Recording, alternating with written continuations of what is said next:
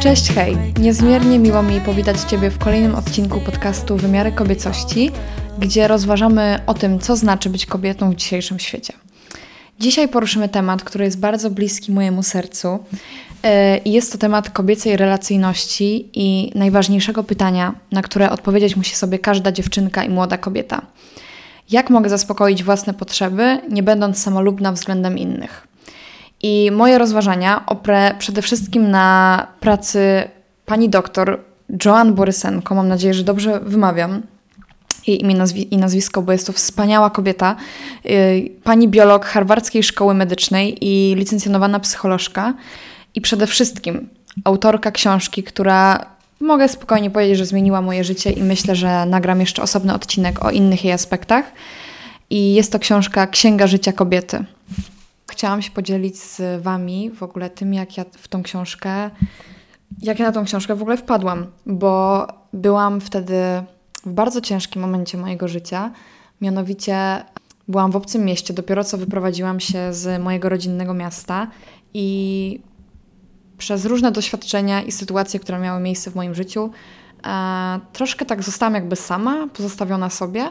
Pierwszy raz w życiu, zawsze gdzieś tam musiałam się otaczać ogromną grupą ludzi i znajomych, i, i nagle gdzieś tam tak to się wszystko potoczyło, że nie miałam tych osób przy sobie.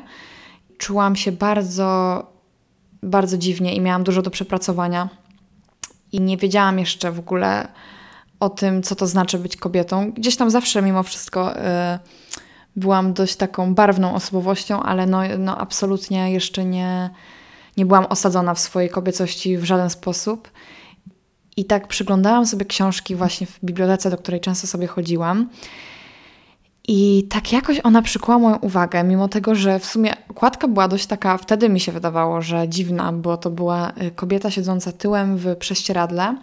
Mm, książka nazywa się Księga Życia Kobiety, więc nie bardzo wiedziałam w ogóle o co chodzi.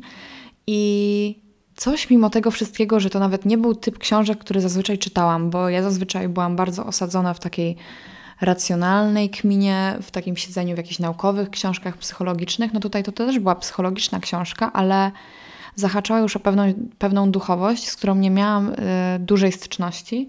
Na pewno nie w kontekście kobiecości, bo o duchowości i o manifestacji i takich rzeczach to już było wtedy głośno i one gdzieś tam w mojej świadomości już były.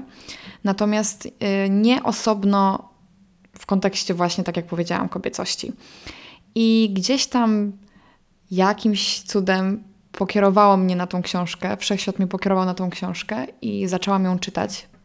I nie zapomnę momentu, kiedy siedziałam sobie na plaży w Gdańsku i tak czytałam sobie tą książkę i ona odblokowywała jakieś takie nowe rzeczy we mnie w środku, o których wcześniej nie, że nie myślałam, bo właśnie dużo sobie o nich myślałam i chyba takie jest piękno tej książki, że ona nam nazywa rzeczy, o których wcześniej myślałyśmy, że wiemy, ale nie do końca, były w naszej podświadomości i to jest jej magia.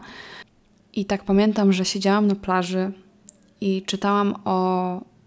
Właśnie czytałam rozdział o młodych kobietach, o tym stadium bycia kobietą pomiędzy urodzeniem a 21 rokiem życia, w którym ja wtedy byłam. I po prostu pamiętam, jak się popłakałam takimi łzami wzruszenia, zrozumienia że ktoś to nazwał, to co ja dosłownie przeżywałam w tym, w tym momencie wtedy. I dlatego stwierdziłam, że jest to gdzieś tam temat ważny. I kiedy tak sobie myślimy o moralności, bo o tym gdzieś tam John Borysenko e, od tego gdzieś tam zaczyna, to kiedy myślimy o moralności, to kojarzy nam się sprawiedliwość, logika, uniwersalne prawa. I jest tak dlatego, że te tradycyjne modele moralności często opierają się na mechanistycznym i takim yang, męskim podejściu.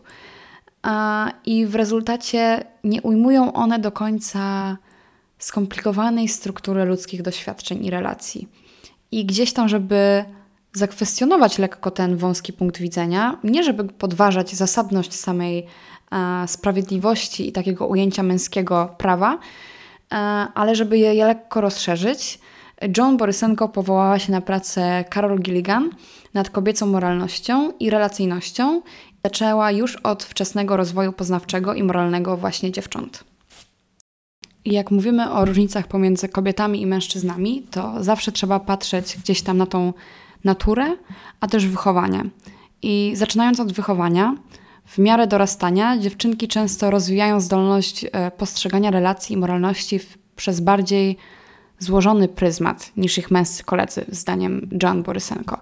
Bo podczas gdy chłopcy mogą być uczeni wygrywania, niezależności i gdzieś tam postrzegania moralności jako systemu zasad, dziewczęta są często socjalizowane, aby brać pod uwagę uczucia, społeczność i więzi, czyli taki złożony system, w którym funkcjonujemy. Wczesne wychowanie przygotowuje grunt pod alternatywny, tak naprawdę, kompas moralny, taki, który jest równie logiczny, co emocjonalny. Powołuje się też również na kwestię biologiczną rozwoju dziewcząt, bo lata dzieciństwa i dorastania wiążą się też z rozwojem prawej półkuli mózgu u dziewcząt w sposób odmienny od chłopców, co predysponuje nas do relacyjności i takiego współzależnego, w ogóle uwielbiam to słowo, współzależne myślenie. Miesiączka jest też bardzo ważnym kamieniem milowym w rozwoju tej mądrości i ona pozwala kobietom właśnie co miesiąc doświadczać cyklicznego wzrostu tej dominacji prawej półkuli mózgu i intuicji, bo prawa półkula mózgu kojarzy nam się z tym, co emocjonalne, z tym, co złożone i trudne. PMS, który często jest bardzo demonizowany i o czym też autorka wspaniale mówi i też zmieniła bardzo moją perspektywę na to, PMS jest tak naprawdę pozytywnym wyrazem tej biopsychologicznej mądrości, bo to jest czas, w którym te rzeczy, które wymagają naszej uwagi, w wyniku naszej podatności na te, na te negatywne emocje, one wychodzą nam naprzeciw. My możemy się wsłuchać w własną intuicję i to, co gdzieś tam nas boli, a w innych fazach cyklu mogłyśmy gdzieś tam troszkę zamiatać pod dywan. Więc jest to niesamowicie ważna e, część bycia kobietą, która jest strasznie demonizowana. I ja po prostu nie zapomnę, jak wspaniale było to czytać i pokochać swoją kobiecość zamiast czuć wstydu, że odczuwam tak silnie emocje i że dostrzegam tak dużo. Naprawdę to było coś niesamowitego i, i wow.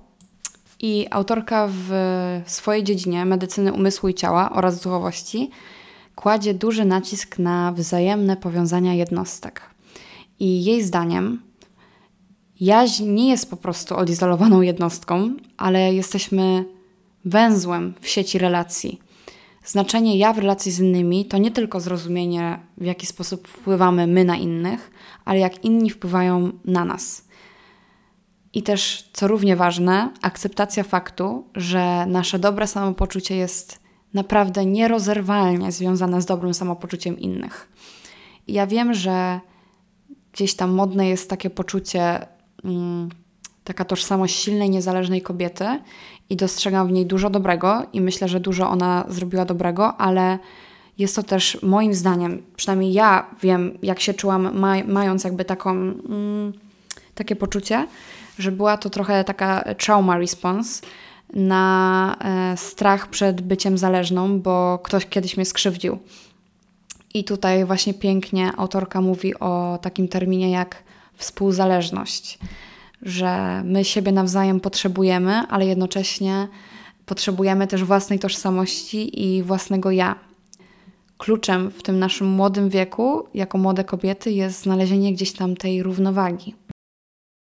Do tego dochodziła też e, rozkminka, że tak powiem kolokwialnie, Carol Gilligan, która skrytykowała etapy rozwoju moralnego Lawrence'a Kolberga i ona argumentowała, że te standardowe teorie były właśnie bardzo takie mm, męskocentryczne i nie było tam spojrzenia na wymiar relacyjności w ogóle i troski.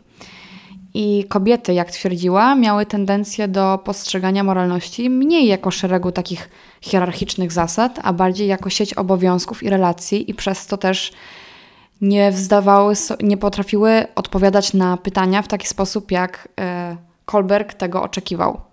I co prawda on jakby nie doszedł do wniosku, że dziewczynki są faktycznie gorsze w rozumowaniu moralnym niż, e, niż chłopcy. Tego jakby wprost nie powiedział, aczkolwiek w jego badaniach, no nie dość, że w ogóle większość badanych to byli chłopcy, e, ale że dziewczynki po prostu osiągały niższe wyniki w tych jego badaniach. I tutaj to, właśnie ten aspekt Karol skrytykowała, bo się okazało, że wcale do końca tak nie jest, że po prostu sam jego sposób rozumowania był, e, nie, nie uwzględniał złożoności rozumowania dziewczynek. I zarówno Borysenko, jak i Gilligan kwestionują mechanistyczny pogląd, który gdzieś tam przekształca moralność w taki system oparty na regułach, pozbawiony ludzkich niuansów. I to podejście często nie jest w stanie uchwycić tej naprawdę dynamicznej interakcji między nami, jednostkami i między w ogóle społecznościami. I podczas gdy zasady takie jak sprawiedliwość i uczciwość są ważne, oczywiście, to nie są one jedynymi aspektami tego, co jest moralne, co jest dobre lub złe. Chociaż ja nawet nie lubię określenia dobre lub złe, bo co to w ogóle znaczy? Jest to bardzo skomplikowana kwestia i nie będziemy w nią wchodzić dalej, ale gdzieś tam kobieca moralność podkreśla, że etyka nie może być oderwana po prostu od kontekstu, od emocji czy relacji, które składają się na ludzkie doświadczenia. I co ważne, ta kobieca perspektywa moralności wcale nie opowiada się za wykluczaniem logiki, a raczej wzywa do integracji emocji i logiki. Aż mi się przychodzi teraz na myśl po prostu cytat z Barbie yy, o tym, że potrafię myśleć logicznie i emocjonalnie, a i to nie pomniejsza mojej władzy, nie pomniejsza moich yy, umiejętności, tylko je poszerza. Jakoś coś takiego i po prostu teraz mi się to tak skojarzyło, bo totalnie relatable. Także nawołuję wszystkie nas, kobiety, do współzależności ponad niezależnością. I Borysenko pięknie to podkreśla, że współzależność w porównaniu z bardziej powszechnie chwalonym ideałem niezależności kontrastuje w taki sposób, że o tyle, o ile niezależność skupia się na samodzielności i na indywidualnych osiągnięciach, współzależność uznaje taką zasadniczą i to jest naprawdę fundamentalna rola relacji w życiu każdego człowieka. To, że my jako Homo sapiens jesteśmy tak wysoce rozwinięci w porównaniu do innych gatunków i do innych ssaków, wynika w bardzo dużej mierze z tego, że jesteśmy bardzo ugodowi i potrafimy się ze sobą dogadywać. I ludzie zawsze żyli e, w grupach. Więc Współzależność nie jest formą zależności. Ona raczej reprezentuje taką zrównoważoną wymianę emocjonalnego, intelektualnego, a nawet duchowego wsparcia między sobą. I uważam, że to jest po prostu przepiękne i była to taka bolączka, którą miałam w sercu bardzo długo wcześniej, bo z jednej strony chciałam być silną, chciałam mieć własną tożsamość i własne zdanie, a z drugiej strony głęboko czułam potrzebę relacji z innymi ludźmi i to się tak długo we mnie biło, a tutaj zostało to pięknie nazwane. No i okej, okay, skoro już się dowiedziałyśmy, że ta relacyjna jaźń to nowa zupełnie perspektywa patrzenia na nas kobiety, to dorastając w wyniku doświadczeń stajemy przed wspomnianym już przeze mnie, a zarazem tytułowym pytaniem odcinka, jak mogę ja, jako kobieta, spełniać swoje potrzeby, jednocześnie nie będąc samolubną względem innych. I to jest takie pytanie, nad którym ja się zastanawiam po dziś dzień i przychodzi mi wiele różnych odpowiedzi na nie, ale z moich własnych doświadczeń takim pierwszym krokiem jest samoświadomość. I chodzi tutaj o to, by móc zanurzyć się w własnym doświadczeniu świata i obserwować siebie i swoje potrzeby. Chodzi też o taką zdolność, o takie wykrowanie w sobie zdolności do spoglądania na swoje emocje jak na takie chmury, które przychodzą nad nami. I to pozwala mi na nabranie dystansu i lepsze zrozumienie tego, co się ze mną dzieje. Bo kiedy jestem w stanie spoglądać na moje stany z pewnego dystansu, to mogę zacząć myśleć o granicach, jakie są mi potrzebne. Ja na przykład w wyniku tego samopoznania i okresu samotności zrozumiałam, że mimo mojej ogromnie ekstrawertycznej natury potrzebuję też strasznie, strasznie czasu dla siebie. I co ważne, tą granicę wyznaczyłam sama sobie. Ja nie chodziłam y, po ludziach i nie mówiłam, że ja potrzebuję czasu dla siebie i musisz to uszanować. To jest coś, co ja jakby stworzyłam w swojej własnej przestrzeni i to się przejawiało w moich decyzjach. I w moim najlepszym interesie, ja już wiedziałam to, jest to, że muszę znaleźć czas na tę chwilę samotności dla siebie w ciągu tygodnia, bo inaczej nie będę dobrze funkcjonować i nie będę też dobrą siostrą, dobrą przyjaciółką, dobrą córką, po prostu. Jednocześnie po tym naprawdę miałam taki dłuższy okres lekkiego wyobcowania, o czym też na pewno kiedyś opowiem, i osadzania się w mojej samotności, po tym jak przez całe życie byłam, e, jakby uciekałam od niej i chciałam tylko ciągle być z ludźmi, to po tym okresie wyobcowania nauczyłam się na nowo doceniać bliskich w moim życiu i w sumie stało się to dość niedawno, bo teraz, gdy czuję się źle, nie boję się już odezwać do mojej siostry czy przyjaciółek i staram się szukać wsparcia w innych. I to jest ten drugi krok, który możesz podjąć, by znaleźć tą, ten balans. E, nie próbuję zawsze polegać tylko na sobie. I muszę przyznać, że wspaniale jest móc znowu czuć, że nie jestem samotną Agatką na bezludnej wyspie z moimi problemami, ale że świat jest pełen osób, z którymi mogę porozmawiać i czuć to głębokie połączenie. Czuć taką bliskość dusz, powiedziała poetycko. I zdecydowałam się, że taki będzie temat drugiego odcinka, bo ta rozkminka, rozkminka o relacji ja w stosunku do innych, to był taki, no, absolutny fundament mojej drogi do lepszego poznania siebie jako kobieta. I dał mi potwierdzenie, że w tej zdolności do dostrzegania złożoności jest piękno i że jest to wrodzona mądrość kobiet, z której mogę się cieszyć, a nie się jej bać czy wstydzić jak wcześniej. I teraz wydaje mi się to oczywiste, ale nie jest to totalnie oczywiste, bo by the way zdaję sobie sprawę, jak długą drogę przeszłam, gdy myślę o tym, że jeszcze półtora roku temu, gdy czytałam tą książkę, to ja się, słuchajcie, wstydziłam jej czytać w miejscach publicznych, no bo ona miała jakąś nazwę Księga Życia Kobiety. Taka trochę dziwna mi się wydawała, bo byłam, miałam bardzo duży problem z strachem przed oceną kiedyś, właśnie te półtora roku temu. I, I bałam się też tej okładki, gdzie była kobieta gdzieś tam półnago, i po prostu y, gdzieś tam tak się starałam ukrywać tą okładkę, co teraz po prostu y, jestem lekko zażenowana i aż wstyd mi się do tego przyznać, ale faktycznie tak bardzo się wstydziłam własnej kobiecości i jakiegoś bycia sobą, że takie odczuwałam wtedy emocje. Dalej czytałam normalnie w miejscach publicznych tą książkę, bo nie mogłam się od niej oderwać, ale chodzi mi o samo spojrzenie, o jakby o samą różnicę spojrzenia. I i warto gdzieś tam te tematy poruszać, bo mamy w sobie tyle wstydu i strachu przed kochaniem siebie i byciu gdzieś tam też dumnym z tego, kim się urodziłyśmy.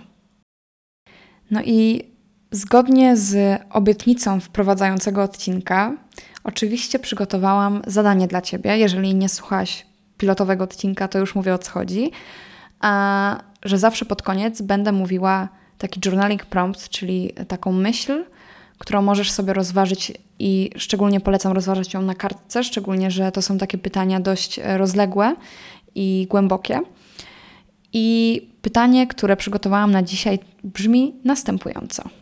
W jaki sposób zaprzeczam lub tłumię swoje własne pragnienia, potrzeby, emocje, aby móc zachować spokój lub szukać potwierdzenia i walidacji u innych ludzi? Bardzo powerful pytanie no ja jestem totalnie guilty of this. Bardzo często się nad tym zastanawiam, także polecam, do polecam je do takiej refleksji nad sobą. Będzie myślę, że bardzo przydatne w kontekście rozkminy na temat tego, kim jestem ja w relacji z innymi.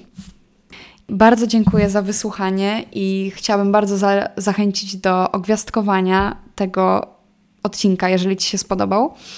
Cóż, tak jak zawsze życzę bardzo dużo ciepła Tobie i Twoim bliskim i dużo szczęścia i też znalezienia pięknego balansu pomiędzy Twoimi potrzebami a potrzebami innych ludzi i utrzymywaniu więzi. Także ja się żegnam.